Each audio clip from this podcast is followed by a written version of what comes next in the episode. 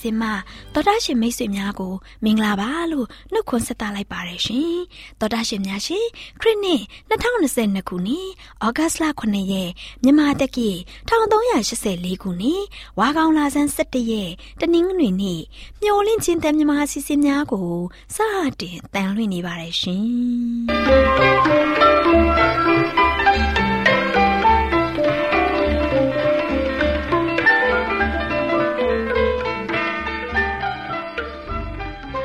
တော်တာရှင်များခင်ဗျာမျောလင့်ချင်းအတန်မြန်မာအစီအစဉ်ကိုနက်နက်6နာရီမိနစ်30မှ9နာရီအထိစကြောင်မီတာ kHz တစ်ခွန်ခွန်23ညညပိုင်း9နာရီမှ9နာရီမိနစ်30အထိ25မီတာ kHz 11943ညမှအတန်လွှင့်ပေးနေပါလေခင်ဗျာဒီကနေ့တနင်္ဂနွေနေ့မှာထုတ်လွှင့်ပေးမယ့်အစီအစဉ်တွေကတရားဒေသနာဟောကြားခြင်းအစီအစဉ်ကျမ်းမာပျော်ရွှင်လူပေါင်းတွင်အစီအစဉ်စံပြအိမ်အောင်ရေးအစီအစဉ်တို့ဖြစ်ပါတယ်ရှင်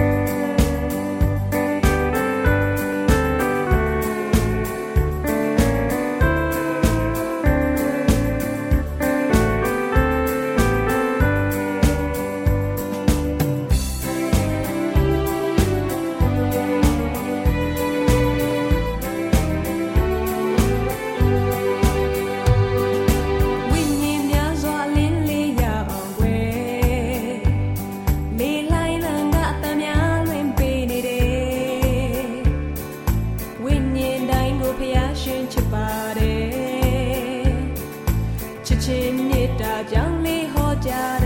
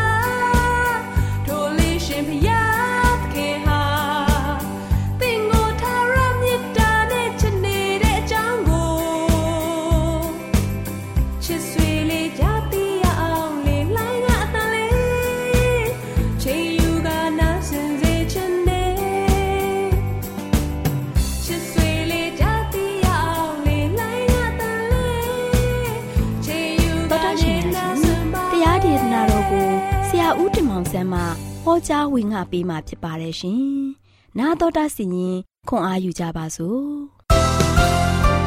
ကျွန်တော်တို့ရှင်ဓမ္မမိတ်ဆွေပေါင်းတို့ပါပါ။ဒီမင်္ဂလာရှိသောနေ့တက်မှာကျွန်တော် တို့အားလုံးပြန်လဲပြီးတော့အသက်ရှင်ခွင့်ရတယ်ဖခင်နဲ့တူပြန်လဲမွေးလျော်ခွင့်ရတယ်ဒီကဲ့သို့ချိန်လေးမှာကျွန်တော်အားလုံးဖခင်ကိုချိန်ပေးပြီးတော့ဖခင်ရဲ့အလင်းတရားသတင်းစကားကိုနားထောင်ပေးနေတဲ့အတွက်လည်းအထူးပဲကျေးဇူးတင်ပါတယ်ဒါကြောင့်ချစ်တော်မိတ်ဆွေတို့ဒီနေ့မှာတော့ကျွန်တော်တို့ ਨੇ ခွန်အားရစရာသတင်းစကားကိုဆက်လက်ပြီးတော့ နားတော်တာဆင်ကြရအောင်ဒီနေ့မှာတော့စုံစမ်းခြင်းကနေမှလွတ်မြောက်ခြင်းစုံစမ်းခြင်းကနေမှလွတ်မြောက်ခြင်းအခွင့်ကိုရဖို့ရန်အတွက်ကျွန်တော်တို့ဘာလိုမျိုးအသက်ရှင်ကြမလဲချစ်တော်မိတ်ဆွေတို့ကောရိန္သုဩရစာပထမဆောင်ခန်းကြီး30အငယ်73မှာဆိုလို့ရှိရင်ဘယ်လိုဖော်ပြထားတယ်လဲဆိုတော့တမန်ကျမ်းစာကိုကျွန်တော်ဖတ်ကြည့်ကြပါစို့လူ၌ဖြစ်တတ်သောစုံစမ်းနှောက်ယှက်ခြင်းကိုသင်တို့သည်ခံရကြ၏ ဘုရားသခင်သည်တစ္ဆာတော်နှင့်ပြည့်စုံတော်မူသည်ဖြစ်၍သင်တို့မခံနိုင်သောစုံစမ်းနှောက်ယှက်ခြင်းကိုသင်တို့၌ရောင်းစိမ့်သောငါအခွင့်ပေးတော်မမူသင်တို့သည်ခံနိုင်မည်ရှိမည်ကြောင်းစုံစမ်းနှောက်ယှက်ခြင်းအရာနှင့်တကွာ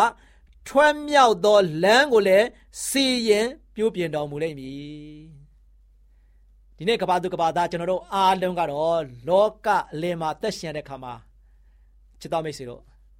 အသက်တရားမနေရပါပဲ အမှုတရားတော့ကြုံကိုကြုံရမှာပဲနော်အမှုတရားအထက်မကကျွန်တော်ကြုံရမှာပဲဒီနောက်ဆက်တွေစုံစမ်းနောက်ဆက်ခြင်းတွေကကြုံနေရမယ်လူရတတန်းကတော့ကျွန်တော်တရားနေခြင်းမနေရမယ်ဟုတ်တယ်မလားနော်တရားလဲရှင်းလဲရှင်းမှာပဲနှုတ်မလဲအမှုတရားကတော့တရားမရှင်းလဲကျွန်တော်အမှုတရားကတော့ယာနုံးပြေကျွန်တော်ရင်ဆိုင်နေရမှာပဲနော်ရင်ဆိုင်နေရမယ်ဒါကျွန်တော်ရဲ့တက်တာမှာဆိုရှင် ဤကဲ့သို့ရင်ဆိုင်နေရတဲ့ခါမှာတို့ရှင်ကျွန်တော်တို့စုံစမ်းနောက်ဆက်ခြင်းတွေပါပါတယ်ယနေ့စာနာမဏကတို့ရှင်ကဘာသူကဘာသားတွေကိုနီလန်ပေါင်းမြောင်များစွာနဲ့သွေးဆောင်ဖျားရောက်နေပါတယ်စာရမဏရဲ့ဖျားယောင်သွေးဆောင်မှုအောက်မှာဆိုလို့ရှိရင်ယနေ့ကဘာသူကဘာသားတွေကတို့ရှိရင်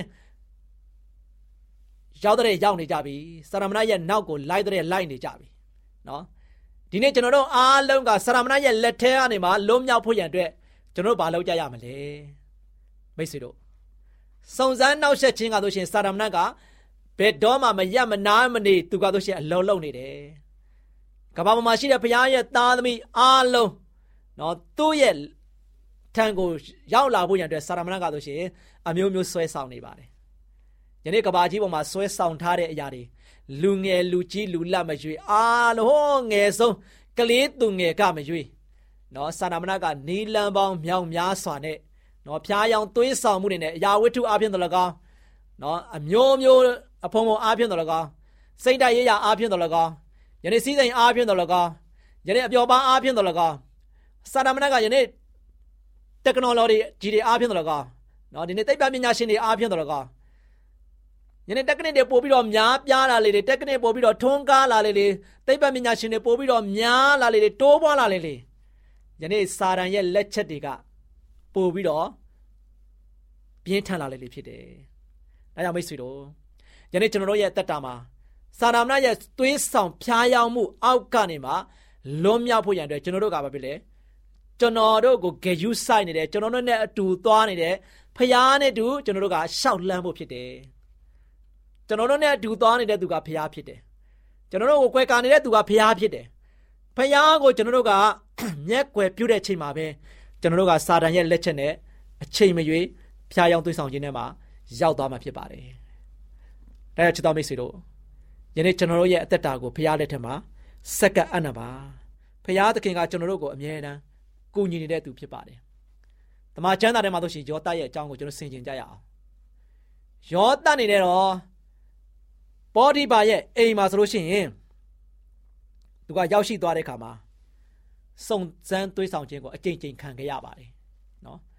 သူဖျားယောင်းသွေးဆောင်မှုကိုအကြိမ်ကြိမ်ခံစားခဲ့ရတယ်။အကြိမ်ကြိမ်ယုံထွက်ခဲ့တယ်နော်။ယောသကြိမ်ကြိမ်ယုံထွက်ခဲ့တယ်။နောက်ပြီးတော့ဒီဖျားယောင်းသွေးဆောင်ခြင်းကဆိုရှင်ပေါ်ဒီမာရဲ့မယားရဲ့ဖျားချောင်းသွေးဆောင်ခြင်းကစဉ်းစားကြည့်ပါနော်မိမမာယာတဲကိုပြဆိုပြီးတော့ကျွန်တော်တို့စကားပုံရှိတယ်နော်အဲ့ဒီလိုသူ့ရဲ့မာယာတွေနှွဲ့နှောင်းပြီးတော့ယောသလိုနော်လူပြိုလူပေါက်တကယ်ပါလို့ရှိရင်ဖွင့်ထွားပြီးတော့ ကြည့်တဲ့အခါမှာလို့ရှိရင်အသက်18အရွယ်လောက်ပဲရှိအောင်ပဲနော်ခန္ဓာချောလာတဲ့ယောသကလို့ရှိရင်ဘောဒီပါမယားရဲ့ဆွဲဆောင်ခြင်းကိုအကျဉ်းချင်းခံစားရတဲ့ခါမှာချစ်တော်မိတ်ဆွေတို့စဉ်းစားကြည့်ပါဒီဖျားယောင်းသွေးဆောင်ခြင်းကနော်စန့်ကျင်ဘက်အဖို့မနှစ်ခုနော်ဒီလိုမျိုးအခြေအနေမျိုးနဲ့ဆွဲဆောင်ခြင်းခံရတဲ့အခါမှာတအိမ်ထဲမှာတူနေနေတဲ့ယောသအတွက်ဘလောက်ခဲရင်မလဲဘလောက်ခက်ခဲမှုရှိမလဲ ဒါပေမဲ့လည်းယောသကဆိုရှင်ဒီအခက်ခဲချားနေပါပြီမလဲယုံထွက်တယ်အကျဉ်းချင်းယုံထွက်ခဲ့တယ်ကျဉ်းချင်းယုံခဲ့ထွက်ခဲ့တယ်နောက်ဆုံးမှတော့ကျဘေးကြက်နံကြက်အချိန်ကာလကိုယောသရောက်ခဲ့ပြီနော်ယောသရောက်ခဲ့ပြီအခန်းထဲမှာတူနကိုနှစ်ယောက်ပဲရှိတယ်တစ်ဖက်ကလည်းသူနဲ့နှောဖို့ရန်အတွက်မိမသားကလည်းဆွဲဆောင်နေတယ်ချစ်တော်မိတ်ဆွေတို့ အဲ့ဒီချိန်မှာပေါ်ဒီပါဘေယားကယောသကိုဖက်ချင်လဲဖက်ထားမှာပဲစဉ်းစားကြည့်ပါဖက်ချင်လဲဖက်ထားမှာပဲယောသကိုဆွဲရမ်းပြီးတော့ငါနဲ့တူတူနေပေးပါငါနဲ့တူတူငါနဲ့တူတူငါ့ကိုပျော်ရွှင်အောင်လုပ်ပေးပါ ပြောမှာပဲဒီခါမှာလို့ရှိရင်စံကျင်ဘက်နှစ်ဦးကဖယ်ရန်နေမယ်ဆိုလို့ရှိရင်ယုံထွက်ဖို့လွယ်ပါမလားချစ်တော်မိတ်ဆွေတို့ အဲ့ဒီလိုမျိုးခြေနေမျိုးမှာယောသဘာဖြစ်လဲအလွတ်ယုံပြီးတော့ထွက်ပြေးခဲ့တယ်မျက်စိထဲမှာမြင်အောင်ကြည့်လိုက်ပါယောသထွက်ပြေးတဲ့ခါမှာယောသရဲ့ဝစ်လုံကောင်မှတစ်ဖက်ကဆွဲထားတယ်ယောသကိုမရရအောင်ဆွဲထားတယ်ယောသကလည်းမရရအောင်ထွက်ပြေးခဲ့ရတယ်စုံစမ်းခြင်းတွေကနေမှမရမကယောသထွက်ပြေးခဲ့တယ်ဒါကြောင့်ယောသရဲ့ထွက်ပြေးခြင်းကိုအင်္ဂလိပ်လိုဘယ်လိုခေါ်တာလဲဆိုတော့ run out of the house ဆိုပြီးတော့ဖော်ပြထားပါတယ်ယောသကမရမကအလွတ်ရှုံးပြီးတော့သူထွက်ပြေးခဲ့တယ်စုံစမ်းခြင်းတွေကနေမှ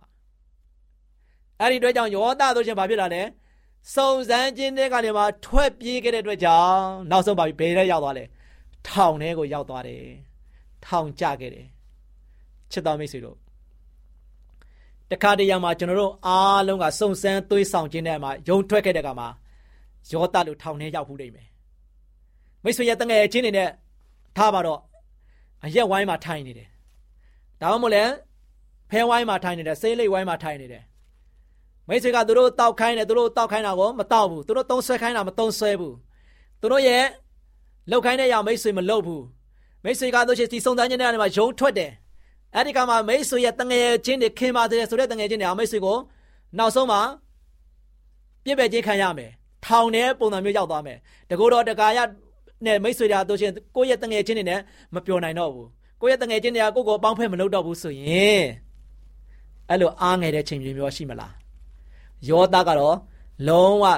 တော့တခင်ရဲ့ယုံကြည်စိတ်ချမှုကနေမှနောက်ဆုံးထောင်ထဲပို့ခြင်းခံခဲ့ရတယ်နောက်ထောင်ထဲပို့ခြင်းခံခဲ့ရတယ်ချစ်တော်မိတ်ဆွေတို့ဒါကြောင့်ဒီနေ့စုံစမ်းသွေးဆောင်ခြင်းကိုကျွန်တော်ယုံထွက်ဖို့ရန်အတွက်အရန်ရည်ကြည့်တယ်။ ဖျားယောင်းသွေးဆောင်ခြင်းတွေကကျွန်တော်တို့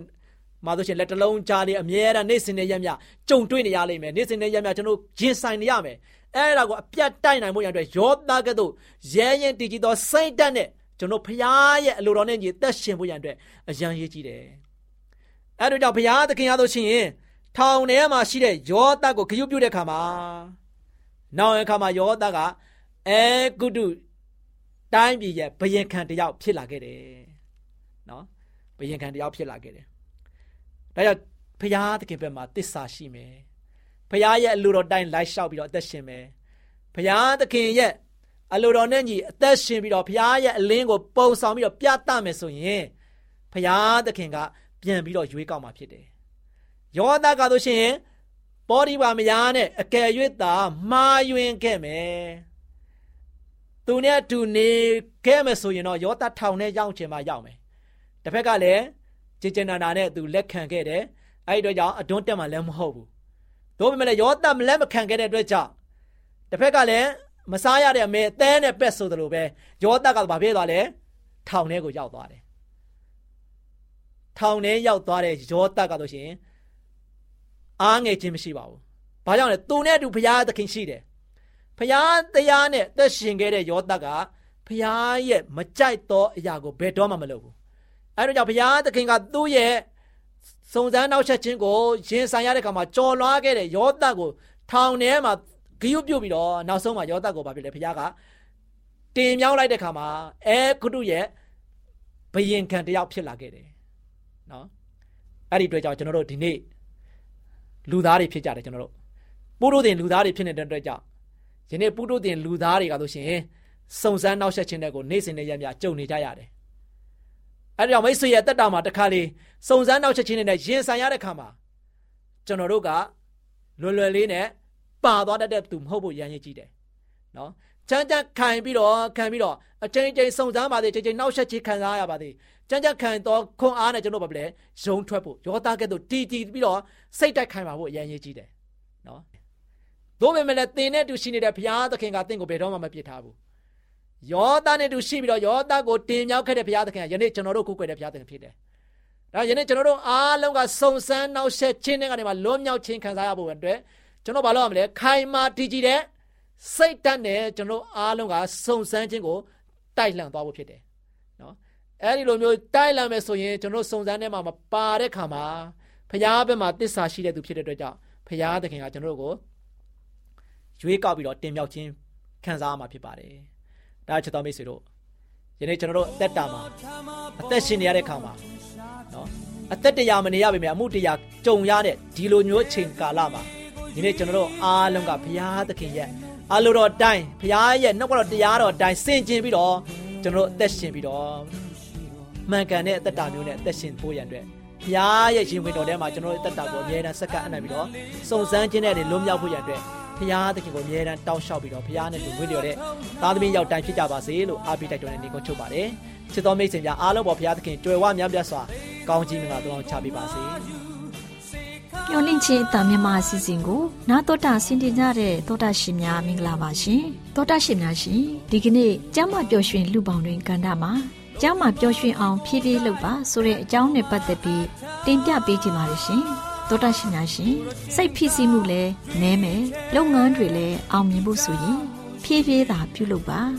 ပုံမှန်ပြုလုပ်နေကြတဲ့ပို့ပြီးနှေးကွေးစွာလုပ်ရင်အလုပ်လုပ်ရတာလွယ်ကူတဲ့အပြင်ရက်လက်ကောင်းတွေလည်းရရှိနိုင်ပါတယ်။ဘာတွေကိုဘယ်လိုဖြည်းဖြည်းလုပ်ရမလဲလေ့လာကြပါစို့။ပထမအချက်အနေနဲ့အိမ်အလုပ်ကိစ္စတွေကိုဖြည်းဖြည်းလုပ်တာကြောင့်စိတ်ဖိစီးမှုနည်းနိုင်ပါတယ်။ပကံဆေးတာနဲ့အဝတ်လျှော်တာလိုမျိုး အိမ်မှုကိစ္စတွေကို ဖြည်းဖြည်းပဲလုပ်ရင်ပြင်းကြည့်စရာမကောင်းတော့ပါဘူး။ထက်ခါထက်ခါလုပ်ရတဲ့အလုပ်တွေကိုစိတ်နှစ်ပြီးပြုတ်လုပ်ရတဲ့အတွက်ကြောင့်အုံနောက်အထဲမှာ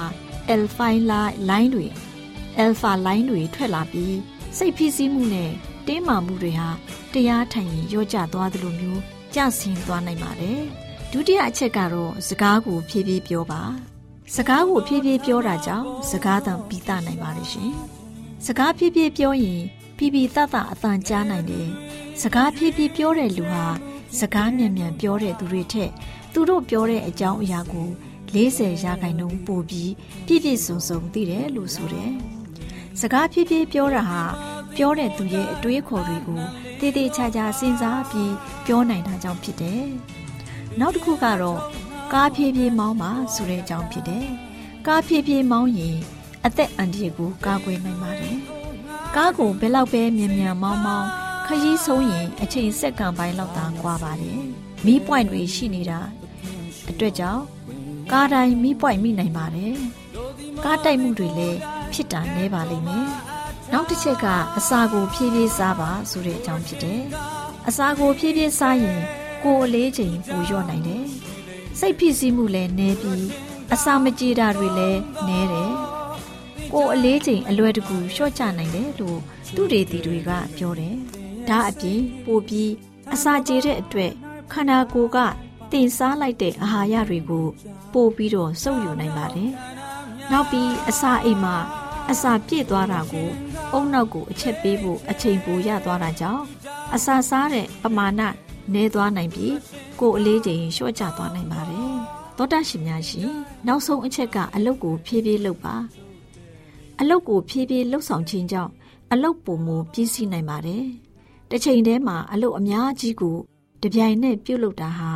အလုတ်တစ်ခုချင်းစီကို ပြုတ်လုပ်တာထက်ပိုပြီးအမှားများနိုင်တာကြောင့်အချိန်ဖြုံးသလိုဖြစ်သွားတတ်တယ်။ဒါကြောင့်အလုတ်တစ်ခုချင်းစီကိုတည်တည်ချာချာအာယုံစိုက်ပြီးလုပ်ပါ။တစ်ခုပြီးမှ နောက်အလုတ်တစ်ခုကိုလုပ်ပါ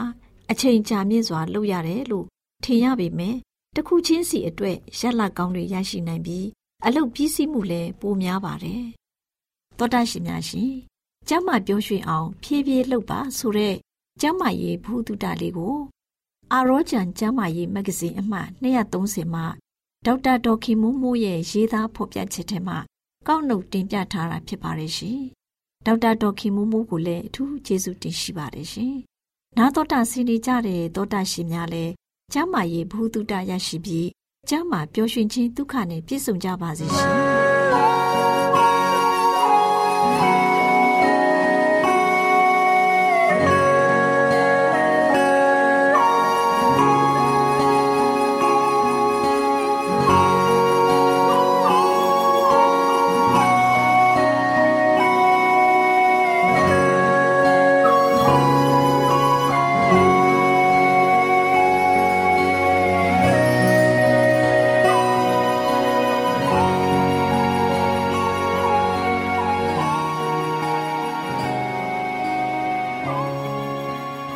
ရှင်များအားလုံးမင်္ဂလာပါရှင်။ခုချိန်မှာစံပြအိမ်အောင်ဆိုတဲ့စာအုပ်ထဲကမိသားစုစီမံကိန်းဆိုတဲ့အကြောင်းအရာနဲ့ပတ်သက်ပြီးတင်ဆက်ပေးချင်ပါတယ်ရှင်။တော်တာရှင်များရှင်မိခင်သားသမီးနဲ့လူအဖွဲ့အစည်းတို့အားစိတ်ဆင်းရဲစေနိုင်တဲ့အမှားအကြောင်းပြောပြချင်ပါတယ်။သားသမီးများမွေးဖွားခြင်းဟာတရားမျှတမှုဖြစ်သည်မဖြစ်သည်ကိုစဉ်းစားဆင်ခြင်မှုမရှိဘဲကြည့်ရှုပြုစုခြင်းခံရရန်၎င်းတုံသင်ဆုံးမခြင်းခံရရန်၎င်းမိဘများအပေါ်တွင်လုံးဝအားကိုးအားထားပြုနေတဲ့ မဆာမဲ့ကလေးတင်ငယ်မြောက်များစွာမွေးဖွားထားကြတဲ့မိဘများလည်းရှိကြပါတယ်။ဒီလိုပြုလုပ်ခြင်းဟာမိခင်ဖြစ်သူကိုသာမကသူ့ရဲ့သားသမီးများနဲ့လူအဖွဲ့အစည်းကိုပါပြုတဲ့မှားယွင်းမှုတစ်ရပ်ဖြစ်တယ်။မိဘများအနေဖြင့်သူတို့သားသမီးတို့ရဲ့အနာဂတ်ကောင်းစားရေးကိုအမြဲတမ်းနှလုံးသားမှာပိုက်ထားသင့်ပါတယ်။ဘဝအသက်တာရဲ့လိုအပ်မှုများကိုဖြစ်တင်ပေးနိုင်ဖို့အတွက်တနေကုန်တနေကန်ပင်မကြီးစွာလောက်ကင်ဆောင်ရွက်ရတဲ့အခြေအနေမျိုးကိုမရောက်ရှိသင့်ပါဘူး။ အိမ်အောင်သားဥယေတိုးပွားအောင်မပြုမီသူတို့ရဲ့သားသမီးများမွေးဖွားခြင်းဟာဖျားသခင်ရဲ့ဂုဏ်တော်ကိုချီးမွမ်းရာရောက်သည်မရောက်သည်ကိုစဉ်းစားဆင်ခြင်တင်ကြပါတယ်။အိမ်အောင်ပြုပြီးတဲ့ပထမဦးဆုံးနှစ်မှစပြီးအိမ်အောင်သက်တစ်လျှောက်လုံးမှာသူတို့ရဲ့အကျင့်လင်းများဘဝဟာဖျားသခင်ရဲ့ဂုဏ်တော်ကိုချီးမွမ်းစေမဲ့ဘဝမျိုးဖြစ်စေရန်ကြိုးပမ်းတင်ကြပါတယ်။မိခင်ရဲ့ကျမ်းမာရေးရလည်းအရေးကြီးပါတယ်။မိဘများအပေါ်မှာကြီးလေးတဲ့တာဝန်ရှိမှုကြောင့်အိမ်တော်မှာသားသမီးများမွေးဖွားခြင်းဟာ အကောင်းဆုံးဖြစ်သည်မဖြစ်သည်ကိုတေချာစွာစဉ်းစားဆင်ခြင်သင့်ပါတယ်။သူမရဲ့သားသမီးများကိုကြည့်ရှုပြုစုရန်မိခင်မှာလုံလောက်တဲ့အင်အားရှိသလား။ဖခင်နေဖြင့်သားသမီးများအားမှန်ကန်စွာ ပုံသွင်းပေးခြင်းနဲ့ပညာသင်ပေးခြင်းများဖြစ်တဲ့အကျိုးကျေးဇူးတွေကိုဆောင်ရွက်ပေးစွမ်းနိုင်သလား။ကလေးရဲ့ကံကြမ္မာကိုကြိုတင်စဉ်းစားဆင်ခြင်မှုဟာနှဲပါလာပါတယ်။ကိလေသာတက်မဲ့ခြင်းကိုသာအာသာဖြေဖို့အတွက်နှလုံးသွင်းထားကြတဲ့အတွက်မိခင်နဲ့ဇနီးဖြစ်သူရဲ့ ခန္ဓာအင်အားကိုဆုပ်ယုပ်စေပြီးသူမရဲ့ဝိညာဏအင်အားကိုထုံထိုင်းစေတဲ့ဝန်ထုတ်ကြီးကိုသူမအပေါ်သို့ရောက်စေပါတယ်။ချွတ်တဲ့တဲ့ကျမ်းမာရေးနဲ့စိတ်အားငင်နေရတဲ့အချိန်မှာသူမကြည့်ရှုပြုစုခြင်းမပြုနိုင်တဲ့တိုးစုကလေးတွေဟာသူမအားဝန်းရံထားကြတာကိုသူမတွေ့မြင်နေရတယ်။သူတို့ရတင်ရထိုက်တဲ့တွင်တင်ဆုံးမမှုကိုမရရှိတဲ့အတွက်ဒီကလေးငယ်တွေဟာဖျားသခင်ရဲ့ဂုဏ်တော်ကိုချီးမွမ်းရမှန်းမသိပဲကြီးပြင်းလာပြီးသူတို့ကိုယ်တိုင်တဘာဝရဲ့ဆိုးရုပ်ညဉ့်ညမ်းမှုတွေကိုသူတစ်ပါးကို လက်ဆင့်ကမ်းခြင်းဖြင့်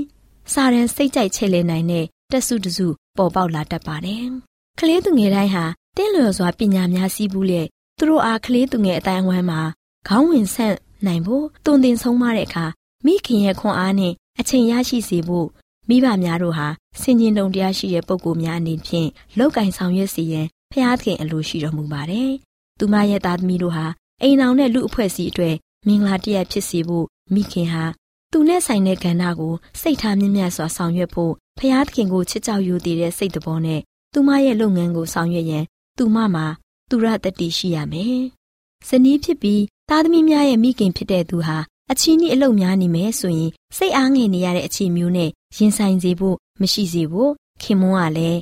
စဉ်းစားဖြစ်တင်ပါတယ်။ရောက်များလာတဲ့ရင်သွေးငယ်တွေဟာတင့်လျော်တဲ့တင် जा ပြသမှုကိုမခံရဘဲကြီးပြင်းလာစေခြင်းအပြင်သူတို့အတွက်တရားမျှတတဲ့တာဝန်ကို မထမ်းဆောင်နိုင်တဲ့အခြေအနေမျိုးမှာသူ့သားသမီးငယ်တို့ရဲ့မိခင်ဟာရက်တီမနေစေဖို့အိမ်နောက်ဦးစီးဖြစ်သူဟာကြည့်ရှုစီမံရမယ်။မိဘတို့ဟာသူတို့အနေဖြင့်ကောင်းမွန်စွာကြည့်ရှုပြုစုပြီးပညာသင်ပေးနိုင်တဲ့ဥယျာဉ်ထက်ပိုပြီးသားသမီးများကိုမမွေးတင်ကြပါဘူး။နှစ်တိုင်းမိခင်ရဲ့ရင်ခွင်မှာမွေးဖွားစသူငယ်ကိုပိုက်ပွင့်နေရခြင်းဟာသူမအားပြုတဲ့မဟာမတရားမှုတစ်ရပ်ဖြစ်ပါတယ်။ဒီလိုအဆက်မပြတ်သားသမီးများမွေးဖွားရခြင်းဟာ လူမှုရေးဆိုင်ရာပျော်ရွှင်မှုကိုနှဲပါစေပြီးအများအားဖြင့်ဒီပျော်ရွှင်မှုကိုဖျက်ဆီးပြီးအိမ်နှွေးမှုဆိုင်ရာစိတ်ဒုက္ခကိုပုံမများပြားစေကြပါတယ်။သားသမီးဥယျာဉ်များပြားခြင်းဟာမိဘများကသူတို့ရဲ့တာဝန်အနေဖြင့်သားသမီးတို့အားပေးကမ်းအပ်တဲ့ထိမ့်သိမ်းကြည့်ရှုပြုစုခြင်းပညာသင်ကြားပေးခြင်းနဲ့ပျော်ရွှင်မှုဆိုတဲ့ခံစား권တွေရရှိခြင်းကိုလက်လွတ်စေတတ်ပါတယ်။နားဆင်ကြကြတဲ့သောတာရှင်များအားလုံးပေါ်ဖဖျားရှင်ကောင်းကြည့်ပေးပါစီရှင်။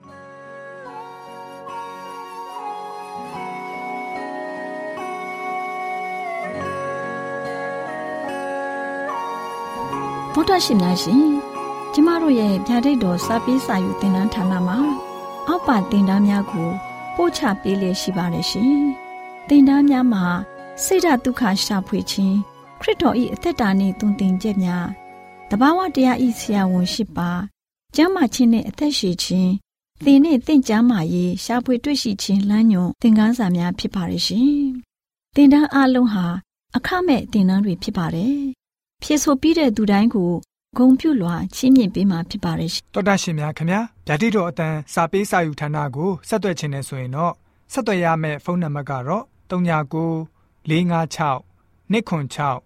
336နဲ့